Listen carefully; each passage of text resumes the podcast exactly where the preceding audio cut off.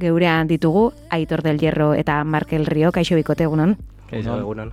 Esan bezala, gazteontzako bizitza duinak Euskal Herrian lana aurkeztu berri dezue, eta bertan abia puntua gazteak arriskoan daudela da. Zergatik diozue hori? Bai, bueno, guk dinogu gazteak arriskoan daudela, baina, bueno, e, hau estrapolatu esakegu gizarte sektore zabaleetara.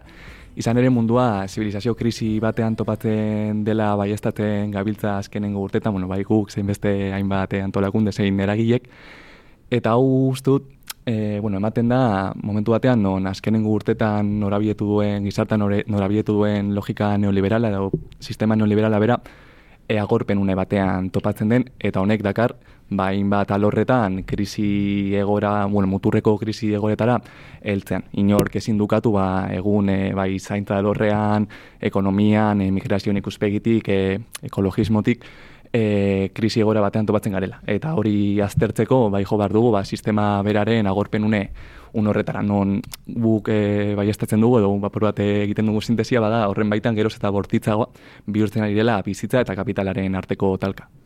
Eta bortizkeria horren aurrean, e, ariketa kaso ez oso erresa planteatu duzue, bere alako neurriak proposatu dituzutelako, baina aldi berean ere alternatibak mai gaineratu dituzue. Erres e, lotzen dira kontu hauek?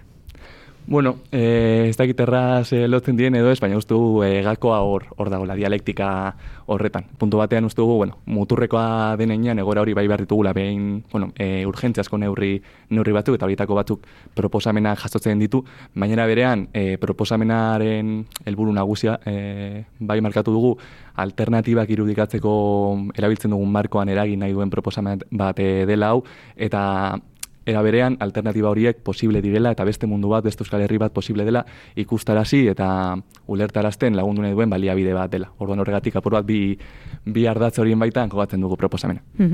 e, alternatibak zuek eta euskal gazteriak irudikatzen dituen horabait esatearen, baina beste aldean, e, bizi den krisi sistematiko horren e, beste aldean erantzule batzuk ere mai gaineratu nahi izan dituzue.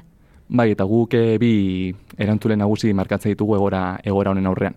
Alde batetik izango genituzke elite ekonomikoak, gure lan indarrez, gure egora prekarioaz baliatzen diren elite ekonomikoak, eta hor adibide bate ematearen justo atzo atera zen eh, berri berri bat, Iberdrolak 2008 eh, an eguneko amarrean handitu zituen bere, bere irabaziak, lau mila milioi euroko irabaziak izan zituen, Eta hori ematen da, esan bezala, gure lan indarrearen bitartez, gure egora prekarioa balia, baliatuz.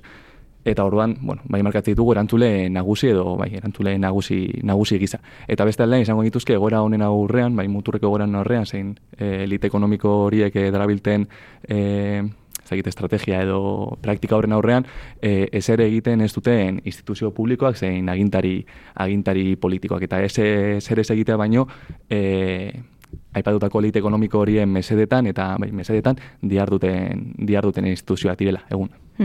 e, txostenaren izenburuan Euskal Herrian azpimarratzen duzue, eraikin nahi direla bizitza duin horiek, erantzulen artean gobernuak daude, baino kasu gobernu bat, e, baino gehiago, geure geure lurretan gobernu administratiboak, baino bi estatu ere ditugulako.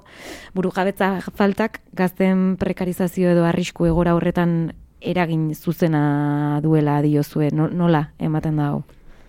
Bai, alde batetik guk aipatzen dugulako bai proposamenan e, zintzotasunez e, hitz egiten dugu puntu batean eta esaten dugu badakigula egun bertan jasotzen diren zenbait neurri eta batez ere proposatzen den norabide norabide hori e, puntu batean ez dela egingarria e, hain justo e, horregatik e, ez ditugulako herri honetan e, ez herramienta juridiko, administratibo eta bueno, orokorrean gizarte bat edo herri bate e, norabidetzeko beharrezko dien tresna, tresna horiek ez ditugu e, eta horiek bi, beste bi estatu edo beste, bai, beste bi estatuen menpe, menpe daude eta horiek egun Euskal Herriaren bai, ekonomia eta bueno, alor estrategiko guztiak norabidetzeko baliatzen diren e, eskema edo, edo praktika ez ditu aintzat Euskal Herriaren ezaugarri ekonomiko, sozial, sindikal eta eta bar luze bat. Orduan guk horren aurrean bai aldarrikatzen dugu Euskal Herriak behar duela e, sujeto politiko gisa bere, bere erabakien gaineko erabakimen totala, hain justo guk plantatzen ditugu neurri horiek, guk e, egikaritzeko, guk martzan jartzeko eta guk erabakitzeko gure gure herria, gure bizitzak, gure bai, e, orokorren dena zelan antolatu nahi dugun eta horretzat hor buru jabetza da dagakoa. Askotan ez da erresa ere ze, bueno, antolatu alizatea, ez? Ideia, ideia horiek guztiak eta krisi sistemiko eta hitz egiten dugunean zer esanik, ez? Zuek lehentasunezko eremu batzuek, batzuk markatu dituzue e, txosten honetan, horien gaineko proposamenak egiteko. Zeintzuk izan dira lehentasunezko edo ez lehentasunezko e, izendatzeko argudioiek, zeintzuk izan dira irizpideak? Bai, guk sortzi eremu markatu ditugu lehentasun bezala, baina ia da e, amar, eun, e, bi, e, edo bat izan lietezkela. E, izan ere guk sortzi hautatu ditugu e, modu batean errezago izateko e, e, ulertzeko guke planteatzen ari ginen e, hori, baina zain beste sortzi ere mu bere izitu edo artean izolatuta markatzen ditugulako. Izan ere gazteok bizi dugu negoera strukturala e, denean, honen gain dipeneako neurria, bai, strukturalak eta integralak e, izan, izan barri da. Orduan guk e, plantatzen duguna da, horietako baten e, indarra jartzea edo ez jartzeak, ez diola suposatuko gure gorari beste ezer eta beharrezko bar duguna dela guzti horietan aurrera pausoak ematea eta markatzen dugun norabide norabide horretan e, aurrera aurrera urratsak ematea. Orduan guk bai hor gero sortzi neurri e, sortzi ere mugarkatu plantatzen ditugu bai ustugolako jagia izan daitezkelako bian mentalki asociazioak egiterako orduan eta bar e, erresenak edo apur bat labur biltzen gehien lagundu e, desaketenak baina esain beste ulertzen dugulako e, harien artean isolatuta daudenik edo edo bai e, besteria be. Mhm. Horietako eremu bat osasun mentalarena da. Esan dezakegu foko mediatikoan e, pandemiaren testu inguruan jarri zela arazo hau, baina virusaren edapenaren larritasuna desagertu da, baina arazoa esango nuke ez ez. Ez argi, argi dago ez eta horretarako hainbat datu kokatzen ditugu proposamenean bertan. Batzuk eh, aipatzearen, 2008 batean eta 2008 bian lehen eriotz gauza, kokatu zen gazteon artean e, suizidio. Eta e, psikofarmiakoen eta bestelako zendagaien e, kontsumoa geroz eta handiagoa izaten ari da. Eta gero, bueno, bestela nahi duenak baitu proposamen bertan beste bat e, datu, bai estatzen dutenak edo laguntze dutenak ikustarazten zelan egora geroz eta bortitzagoa den eta geroz eta muturrako egora baten aurrean e, gauden. Baina ere, ez da ja soilik, e, ez denik pandemiaren bukararekin batera bugatu baizik eta ez dela pandemiarekin e, agertu zen e, afera bat, bai izan zen pandemiarekin batera, bai gainatu zen e, problematika bat edo puntu batean agenda mediatikoaren erdigun hartu zuen e, afera bat, baina aurretik e, goranzko joera batean murgilduta geuden. Mm, eta zeintzuk dira e, mai gaineratzen dituzuen neurri zehatzak osasun mentalari dagokionean? Guk hiru neurri plantatzen ditugu. Alde batetik terapia psikologiko publiko eta duina e, izan bardela edo bermatuta bermatuta egon bardela. E, egun alde batetik e, sistema publiko erabat saturatuta dagoelako, datu bat ematearen eun mila biztanleko sei psikologo edo psikiatra besterik ez topatzen estatu, estatu mailan e, eta era berean e, konsulta pribatuak, e, konsulta pribatu baten e, bataz besteko prezioa euneko, e, markatu, e, irurogei eurako da. Honek e, ez du e, asumigarria bihurtzen e, laguntza psikologikorako e, aukera. Ordan guzti dugu instituzio publika aukatela ezinbesteko paper bat hori bermatzen eta hau e, duintasunez, eta hau duina, era duinan e, bermatzen.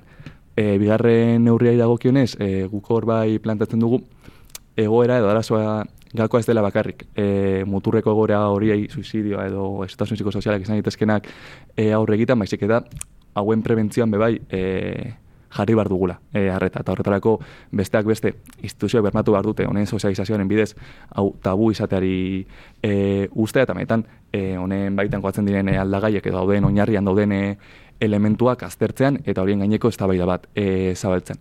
Eta azkenik, e, irugarren neurria bada gehiago e, gazteoi zuzenduta, gazteo kolektibo gisa interpretatzen gaituen e, neurri bat bada, eta bada gure artean zaintzarena eta afektuak modu kolektiboan e, antolatzena. Uste bai dugu, e, afektuak modu kolektiboan antolatu ezean, e, ez dela, egongo egora hau gainditzerik eta hor egokatzen da e, gakotako bat. Hezkuntza eta enplegua ezakite bai esan daiteken kate edo segida beraren bi kate begi direla eta hort artean emantzipatzeko naia eta ezina ere bai dago zein lotura dute elementu hauek Bai, guk proposamenean modu askotan azpimarratzen dugun bezala, elementu edo eremu guztiek hain artean e, lotura zuzena zuzena dute, eta ezinezkoa da, haiek modu isolatuan edo bai, bakartuta egongo balira bezala e, planteatzea. Eta esate baterako, badibidez, e, ez da, emantzipazioaren bataz besteko adina, e, gune, e, hogeita mar urtetan topatzen da Euskal Herrian. Eta hau ezin dugu, e, hau ematen den zerbait e, bezala ulertu, edo bapatean e, agertzen den fenomeno bat izango balitzu bezala agertu, eta, eta horretarako bestak beste, jobarko genuke, enpleguaren egungo egora e, aztertzen. Izan ere, igual duela markada bat, edo e, bai, joatu genezaken e, gazteon enpleguari dagokionez, e, langabezia, e, haian elementu problematiko gisa, baina egun hori baino bada enplegua beraren kalitatea. Eta bada fenomeno bat, bai gazteon artean, zin oro, oroare gizarte sektore zabaletan, ematen irena, gero ez gehiago direla, lan egin, baina pobrezia egoratan kokatzen diren e, pertsonak. Eta bain artean, esan bezala, gazteok e, modu nabarmen, nabarmen batean.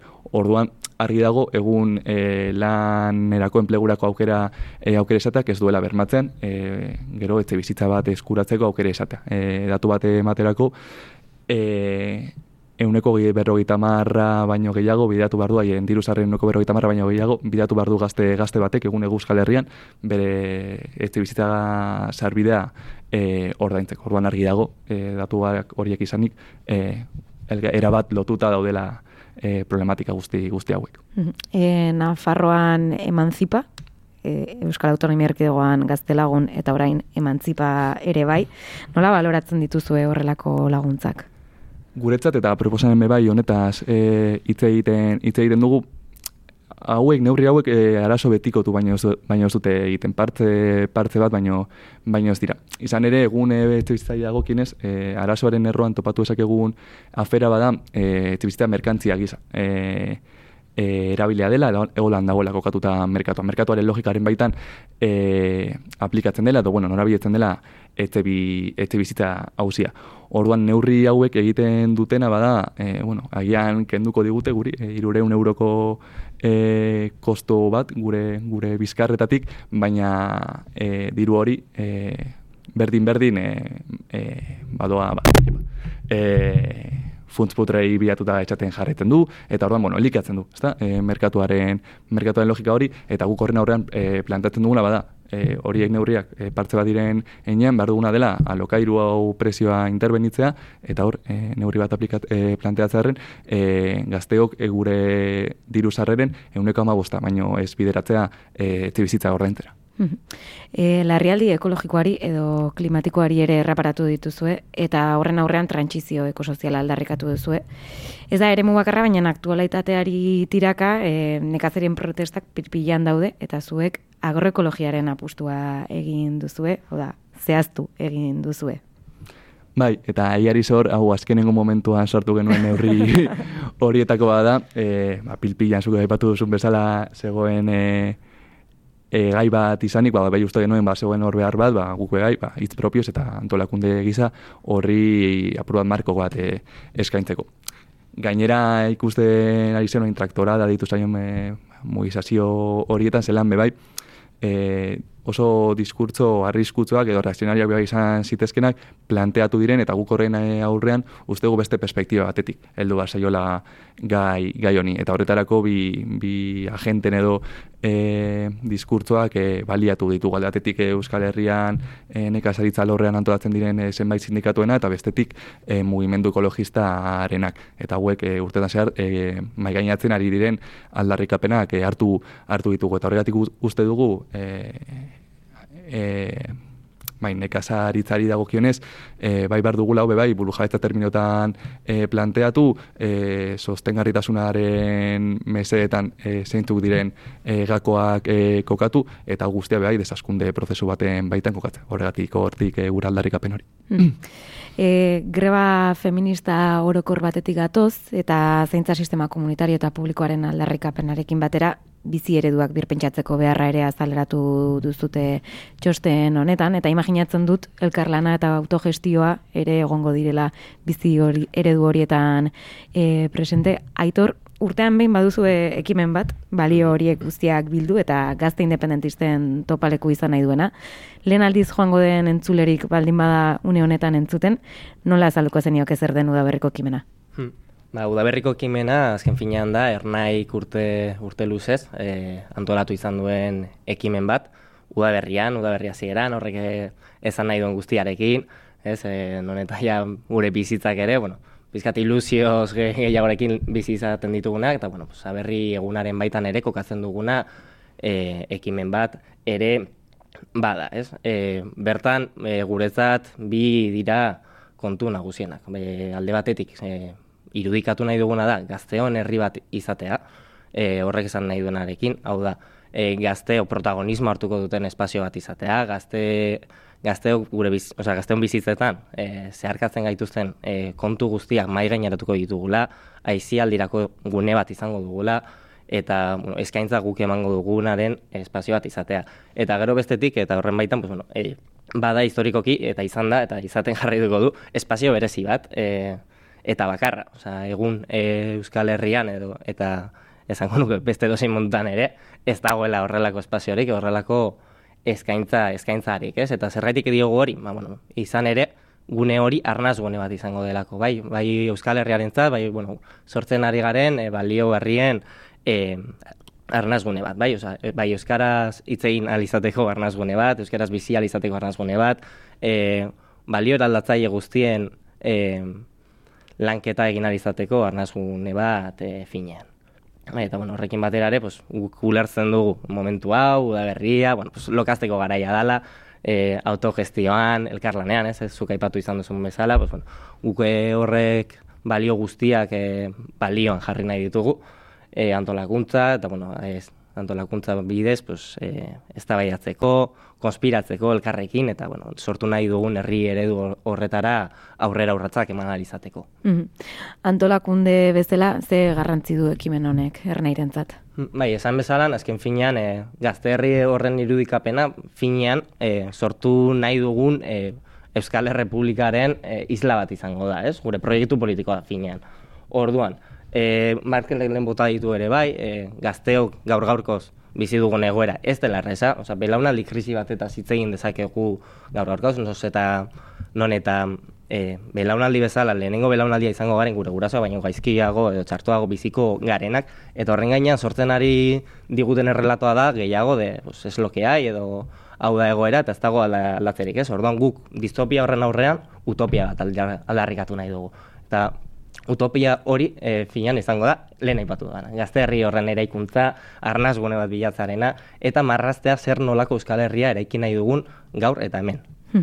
eta horrekin batera ere, beste kontutxo bat, e, berri hori balioan jartzea antolakuntza bidez, antolakuntzaren indarra zein dan, antolakuntzaren potentzialitatea zein dan, eta bertan hori gazteok e, edozein gauza edo inkluso e, eraiki nahi dugun herria, eraikitzen azteko daukagun gaitasuna balioan jartzea, goraipatzea, eta batez ere hor, e, funtsetako bat, eta e, agian, orain arte, pues, bueno, beste interpelazio batzuk izan dira, pues, gazteok ez garela komprometitzen, hori gezurra da, eta gazteok e, bereziki daukagun ezaugarrietako bat, kompromisoa da, e, irautzaia gara aldatzeko ambizia daukagu, hori gure biologian dago e, praktikan, Eta horren baitan ere, pues, gora ipatzeko da, bai, bai, bai, parkatu, be bai, ekimen honetan, e, zenbat antolatzaile, oza, eunda berrogetan mar antolatzaile gora gaude, eta mila txandalari inguru egongo gara. Orduan, hori ere balioan jartzeko, jartzeko da. Ba, utopia txiki handi hori, martxoaren hogeita bederatzitiko gita maikara lezon e, izango da aurtengoan, eta aipatu duzu zenbat jendeari zareten e, horren atzean lanean zer moduzu azprestaketa lanak? Bueno, eh, egia esan, nahiko, nahiko ondo doa, eh, herrian harrera nahiko ona izaten ari gara ere bai, eh, herriarekin lanketa bereziak egiten, berezitu bat egiten ari gara, oza, guk horrelako ekimena planteatzen ditugunean ere, gure logika nagusiena, bai badelako, eh, ez herri bat okupatzea, baizik eta herriarekin elkarlanean eraikiko dugun ekimen bat izatea. Orduan, bueno, eh, bagabiltza, eh, orientolatzaile ugari, esparru guztietan, eta eta hori guztia aurrera aurrera namaten. Gero ere, bueno, publiko egin izan dugun bezala ja, e, gure bertan landuko ditugun edukiak ere e, mai gainaratu baditugu, horrek ere badaude e, prest eta bueno, pizkate horren inguruan be, be sartu gaitezke. Mm -hmm. e, bai, guazen, bai. guazen jendea tentatzera. E, zein da, zein da lezoko eskaintza. Bai, hori, oza, guretzat hor finean edo, bueno, lehen, lehen bizi mai gaineratu nahi duguna da, gaur egun gizartean eta bereziki gazte hongan pilpilan dauden e, kontu edo e, tematika ezberdinak mai gaineratzea, bai? Osea, guretzat hau bai delako espazio bat, honetan lehen ezan dugun bezala, eztabaidak irekitzeko eta benetan gazteak zeharkatzen gaituzten eztabaida horretan e, gure irakurketa ere plazaratzeko, ez? Ahotza izateko eta bebai e, posizionatzeko gizartean e, gure ahotz propioz. Orduan, e, gaur gaurkoz, bueno, baitu zenbait eskaintzaz berdin, e, lazer izango dituzu guztiak e, webgunean eskuragarri, baina bai hitz egingo dula, ba, gatazka eta eraikuntza feministetaz, egun, bueno, e, borroka feministak daukan potentzialitatea edo indarraz guztia aldatzeko, horretaz diarduko gara, batez ere euskal feminismoan zentratua, bebai gazte estena musikalari erreparatuko diogu, gero ere, bueno, handeko presente izango dugula eta hori ere ondo islatuko dela ekimenean bertan, e, bizitza duinen udaberria sarituko gara, e, azkenean, bueno, markaleiko katu duen proposamen horrekin, ba, bueno, pizkat bagoaz, e, sistemaren, sistema kondenatzen gaituen horretatik, ba, sistema beraren impugnazio e, hori egitera, eta horren aurrean, gazteok e, propioki berriro ere ahotza hartzeko eta protagonismo hartzeko, e, palestinaren egoera ere e, arituko gara, bueno, eta gero, bueno, beste horren beste, pues, pornoa, morala eta plazerra inguruan ere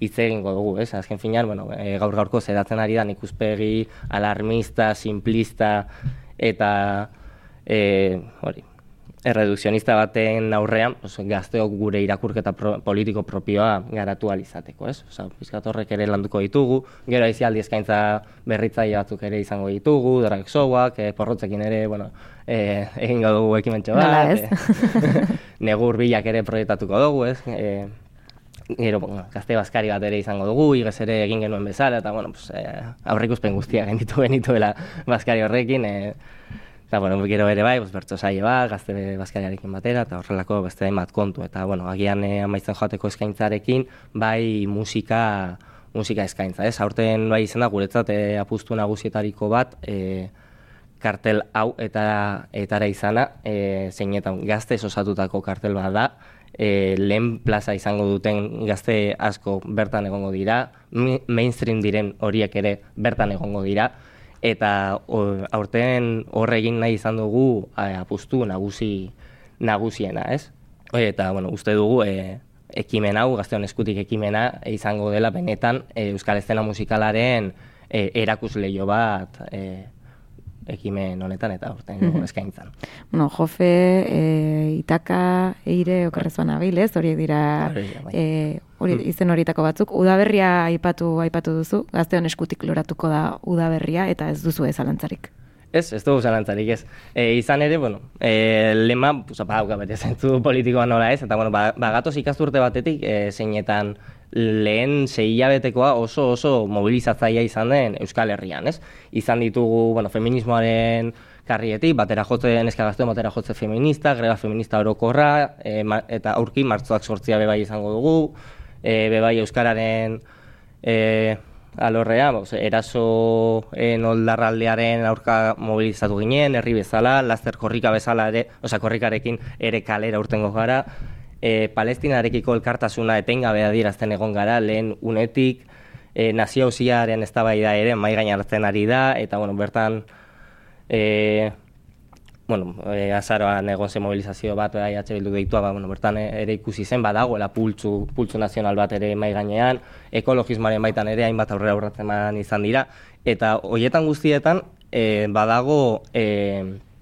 gauza bat aban komunean, dala gazteok egon garela e, lehen lerroan. Borroka guzti horien, horien guztien, e, lehen lerroan egon, egon garela. Eta bai, e, orain, kokatzen dugun, e, ziklo politiko aldaketa, non eta guk ere, ez dugu zei termino elektoralistetan kokatzen, baizik eta ikusten duguna da, e, balio hegemonikoen eraldatze bat ematen ari den, ez? Eta bertan ere, hor, gazteok protagonista izaten ari gara, eta horregatik ulertzen dugu, e, ikasturte honetan zehar, gazteon eskutik helduko direla aldaketa barre guztia protagonismo, eta orain protagonismo hartzeko unea dela, bai? Horregatik, gazteon eskutik, loratu gau da berria, e, da berria ulertuta borroka berri edarako arnaz gune, e, aurre, aurre zenatoki bat bezala, eta eta hor kokatzen, kokatzen gara.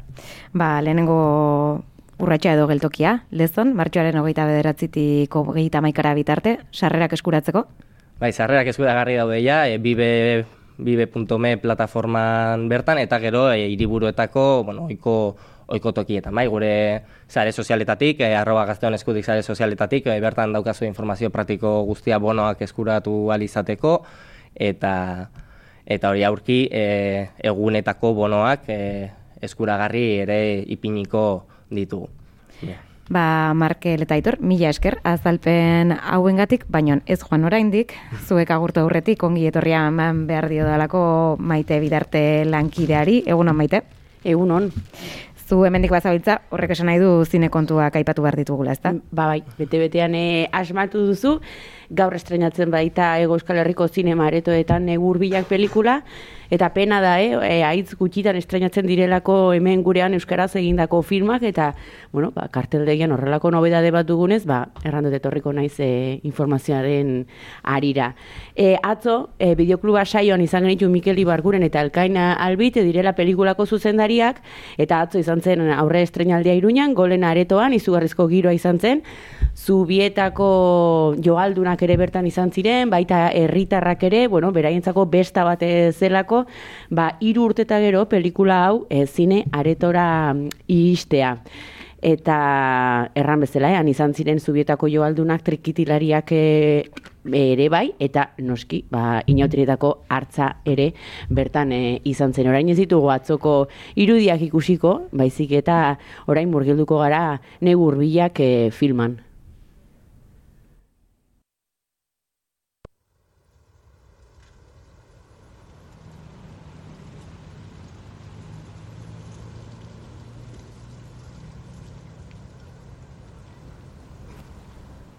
Bueno, segituko dugu betitik e, trailerra ditzen, baina ikusten duzuenez oso kriptikoa da eta oso isila da negu urbilak.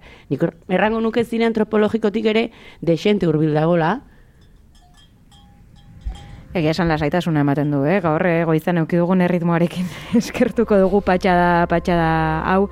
E, Jonel Aspirre karagitzen du pertsonaia, okerrez baina maite. Hori da, Jonel Aspir da protagonista eta film honek e, 2000 eta amaikara eramaten gaitu eta seien zuten e, giroa, ez da egite bueno, zubietara eramango gaitu, zubietako lainora, zubietako mendietara, ardiak, baserriak, ganbarak, eta zuk esan bezala, ba, bueno, jore laspiur da protagonista, e, 2000 eta maika urtera eramaten gaitu film honek e, zehazki etaren suetera. Etak 2000 eta maiko urtarriaren amarrean, sueten egiaztagarri, iraunkorreta orokorra eman baitzuen, Markel eta Aitor, zuek non zineten 2000 eta maikako urtarri horretan?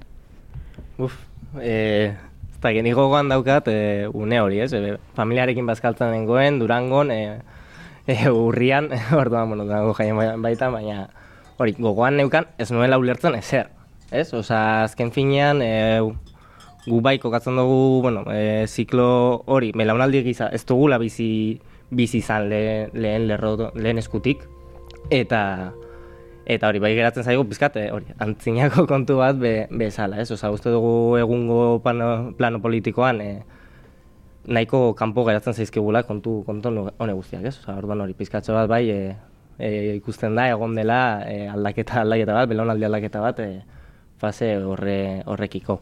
Markel zure kasuan, nuntzinen 2000 eta maikartan. Ba, nik ez du goratzen non, non dengoen, eta uste dut momentuaren kontzientzia ostera hartu dan e, zeo zer izan dela, eta nik bezala ba, gure belaunaldeko jende, jende askok.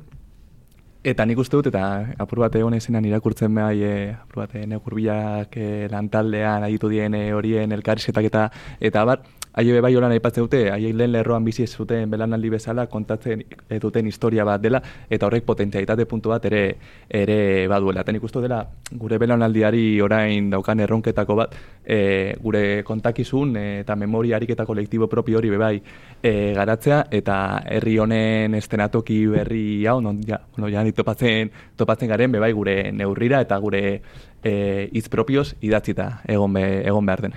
Edukazio txarrekoa dela esaten dute, baina ez bada indiskrezio handiegia zenbat urte dituzue. Entzulegoak okatzeko ere bai. Niko gaita bat urte ditut. Niko gaita zei. Tira, ba, goi beratekin naiz, kaixo Markael, kaixo Aitor, zertxo behit zarragoa, eh, sentitu arazi nauzuela, normala aipatu duzue, ara aldaketa bat, garai aldaketa bat baitere, belaunaldi ezberdinak, Gaetu nahiko nizueke esan duzulako erronketako bat ere badela, ez? Ba, garai hartako eta atzeragoko giro politikoa zuen gana ere gerturatzea nola bait. Gaetu nahiko nizueke nola heldu zaizuen zuen gana 2000 eta maikako su eten horren iragarpenaren ba, kontakizuna zer esan dizuten etxean, zer esaten zizuten atzekoek, familiak? Ba, uste dut, ba, oso espazio eta input desberdinetatik eta oso registro desberdietan heldu zaigula kontakizuna eta aprobate errepikatu zelen, kontatzen duguna, joa izan garela hortik e, gure kontakizun propia, gure bai, kontzentzia propioa hartzen e, gerratutakoaz eta herri honen iraganaz e, puntu, puntu batean, i familian e, puntu batean kokatu esan diat, edo konpartitu esan dugu gaia oso, ezakite, eh, politika eta gai politika oso pilpilean egon diren familia bat nirea, gero lagune artean, eskolan igual behar baino gutxiago e, itzein izan dugu herri honen e, historiaz, eta oso termino jakin batzuetan itzein izan, izan dugunan, gero komunikabideak, eta oso, bueno, e, termino bai jakin, jakin batzuetan, baina, bueno, uste dut, e, hor gakoa badela bai interes horretatik e, azterketa sakon bat egitea, eta bakoitzak, ba, esan bezala, e, norbanakotik garatzea bere perspe, ikuspegi propioa, eta gero bai kolektiboki, e, ariketa kolektibori gauzatzea, eta gure kontakizun propioa maigaineratu, eta inongo e, bai, zakit, e, lotzari gabe bai, gure, gure erreatu propia osatze.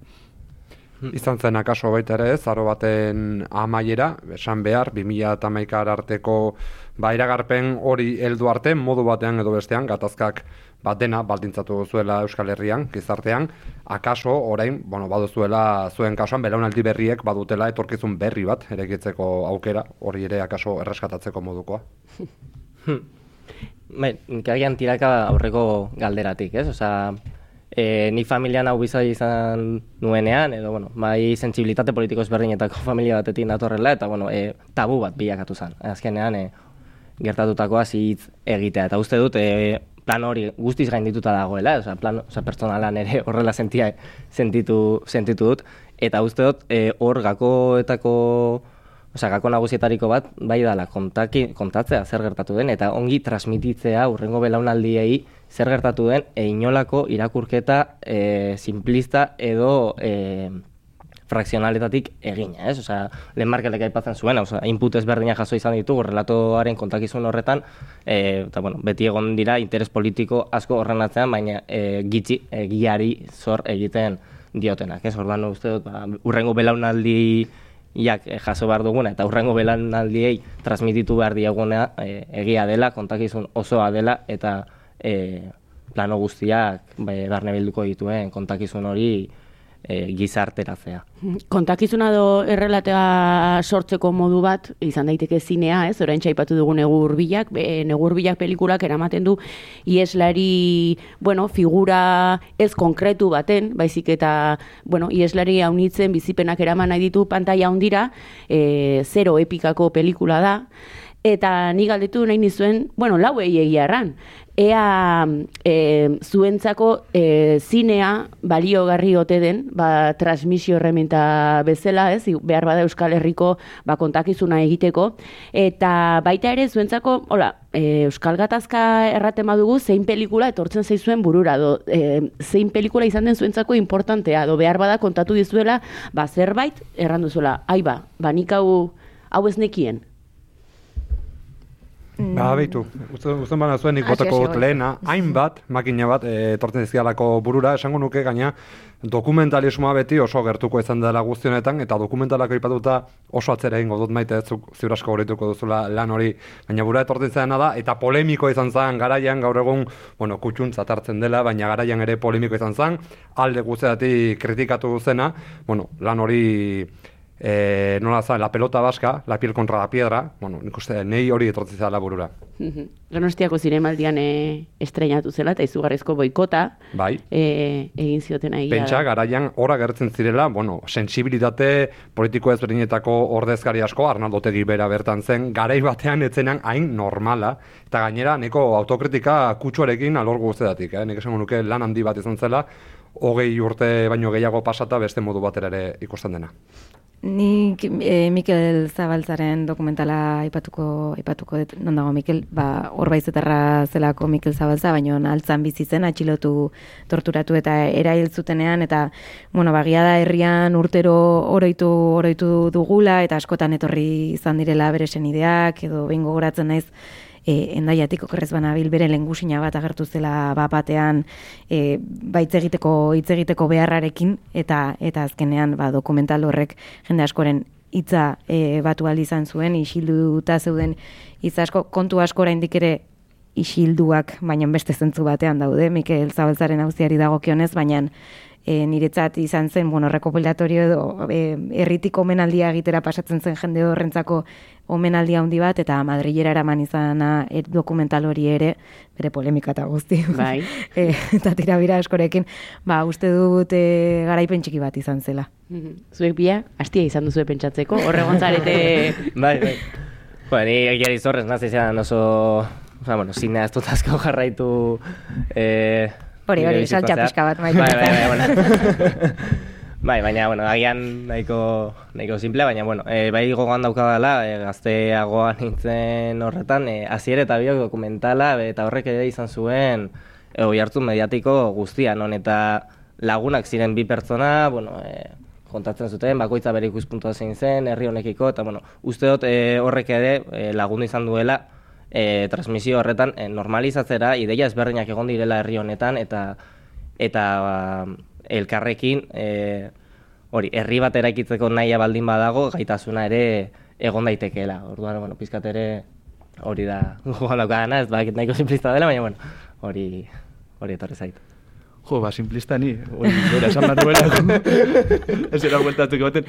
Bai, e, nigo batzu gainera, YouTubeen usto dagoela e, filma ikusgai, eta igual gazteagoa, are gazteagoa, e, nintzenean, e, trasteatzen ibiltzen nintzenean, un poco, bueno, informazio nahi, nahi horrekin, bai, e, pues, behin rebotez topatu nuen e, ba, bitarteko bate filma bate izan zera, eta ni asko gustatu bitzaidan e, hor momentuan, uste, bueno, eh, gero irakurketa ezberiak egin egin daitezkela, baina uste puntu batean apurtzen duela beste muga, muga batzuk, e, kristalesko pantalla bat puntu batean, e, aurritzi batzuk hausteko bai baliagarria daitekela, gero, bueno, izan daiteke beditzuneak edo ez, hori beste eztabaida da, baina, bueno, uste dut niretzat e, plano pertsonalago horretatik bai enfokatzea uste dut laguntzen duela, puntu batean. Bueno, ba, gorkoan maitek ere eman dizkizue pistatxo batzuk gehiago, edo zerrenda osatzeko lagun, beti, beti da lagungarri hortan maite, baina ziur naiz beste egiteko batzuk ere dituzuela gaurkoan, beraz, Markel Rio eta Aitor del Hierro eskerrik asko gurekin egoteagatik, eta trampa honetan ainerrex jauzi izanagatik. Hori da, eta zinean egur bilak. Ikusi Bai. nahi baduzue? Bai, de hecho, e, lezon gazteon eskutik ekimenean ere izango dugu momentua proiektatzeko eta elkarrekin ikusi alizateko eta horren ingur ostean e, elkarrekin hausnartu alizateko gertatutakoaz. Ederki. Bere momentu izango du. Oso ondo. Eskerrik asko. Bai, eskerrik asko zuei.